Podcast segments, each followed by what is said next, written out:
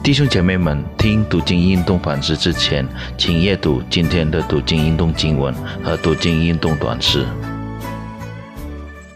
各位弟兄姐妹，大家平安。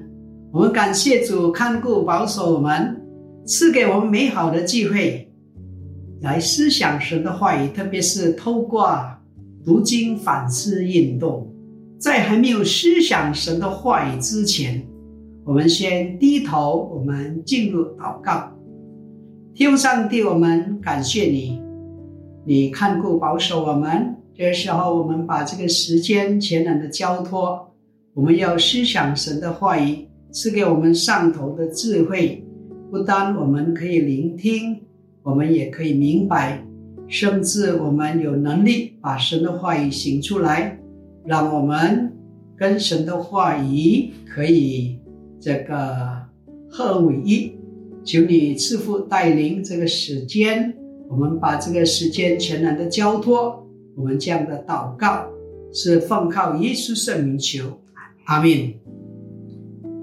弟兄姐妹，我们今天要思想的题目是听神指引往前行，是取自于民数记第十章。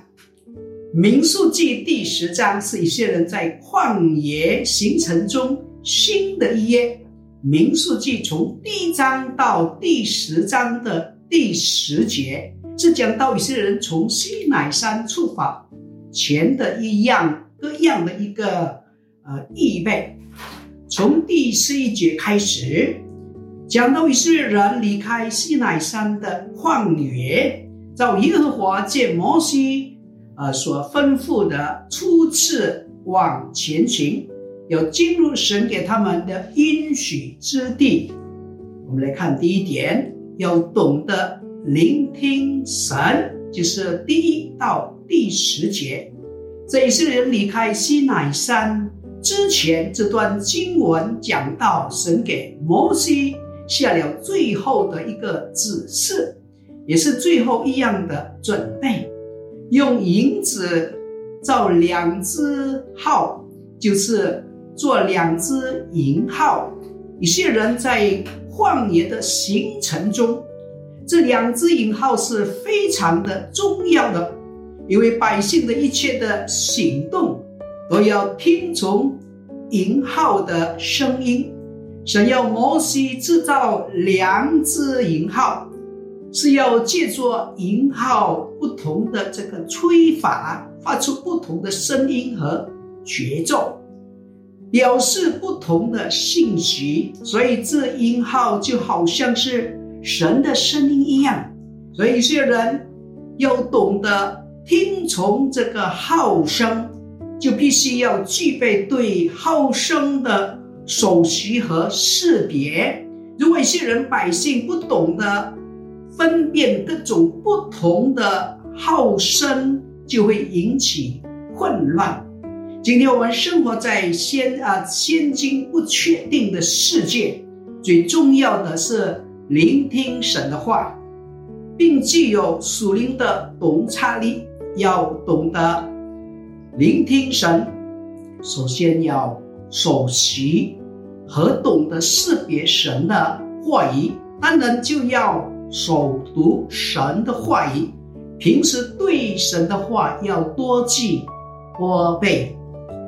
到了需要的时候，圣灵就要透过神的话语来帮助我们、光照我们，使我们得智慧、得找能力，能帮助我们识别恶子的这个谎言，不致陷入混乱之中而做错了决定和回应。在不断变化的人生中，就像一些人在旷野。不住的，呃，行动，但永远不变的是主一路同行。它是我们人生道路的指引者，只要聆听他的指引，我们一定都可以，呃，进入允许之地。现在我们来看第二点，要跟随神指引，从十一到二十八节。以色列人百姓是一对为奴之人，现在神要他们成为耶和华的军队，得着应许之地，因此他们必须被重整、被训练、被装备，以至于可以如军队往前行。当以色列人一切都准备妥当，就正式开始往前行。第二年二月二十二十日，云彩从华贵的帐幕收上去，他们就照耶和华借摩西所吩咐的，按照神的指示启程。当他们出了西奈山的旷野，就进到巴兰旷野。我们在世界上的里程，也是有如以色列百姓一样。从一个旷野来到另一个旷野，我们所遭遇的变化，并不会总是照我们的意思，而且我们也一定会遇到困难和考验。但是，当我们确定的知道，只要紧紧的跟随神的指引往前行，我们的路途不但不会迷失，反而会一路体。体会到主信实、主信实的同在，带领、保守和赐福。我们来看第三点，要用啊，要善用人的长处。二十九到三十二节，摩西要求他的岳父与他们一起往前行，因为摩西认为岳父对旷野。有经验，可以在以色列子民的行程中成为他们的帮助。求助于他岳父，并不表示摩西的不幸，而是善用神赐给人的恩赐和长处。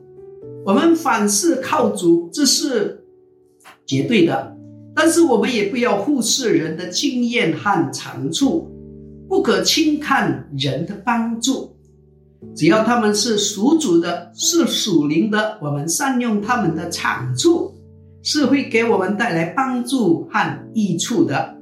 谦卑向有经验的人求问，向有长处的属灵人请教，能使我们在人生里程上走走少些冤枉的路。吃少些不必要的苦头。我们来看第四点，就是神赐人安歇的三十三到三十六节。在这一段经文，让我们看到一些人在旷野行走时，耶和华的夜会在前啊头行，在这个啊前头行，带领一些人。并为他们寻找可安歇的地方。日间太阳升大，野火的云彩在他们上面，使他们不至于被晒到中暑。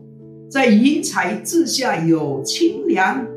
神是如此体贴以色列人，看顾他们的每一步。也会呃前行时，表示神在前面。因此，摩西祷告，求神兴起，让仇敌四散，使神毫无拦阻的前行。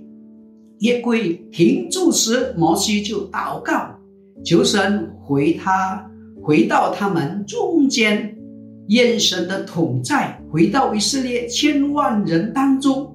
因此，我们一路都能在安歇的地方得着安息。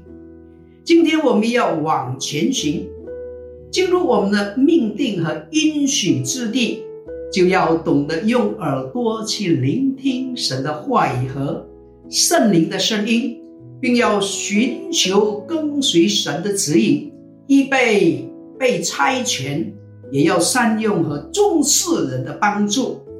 当我们。